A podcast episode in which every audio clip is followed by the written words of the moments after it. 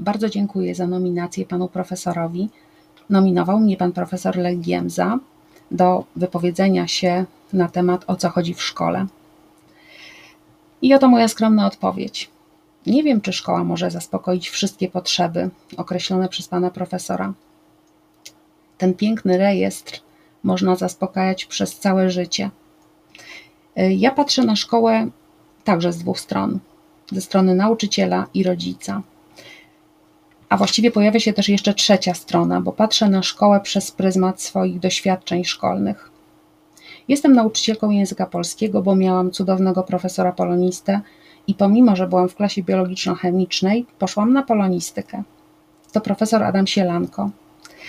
To on rozbudził we mnie miłość do literatury, do niestereotypowego patrzenia na, na nią, na świat. I to właśnie chcę przekazać swoim uczniom.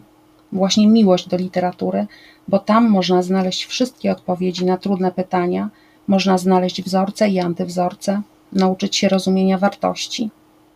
Dzięki literaturze można nauczyć się myśleć, pisać i czuć.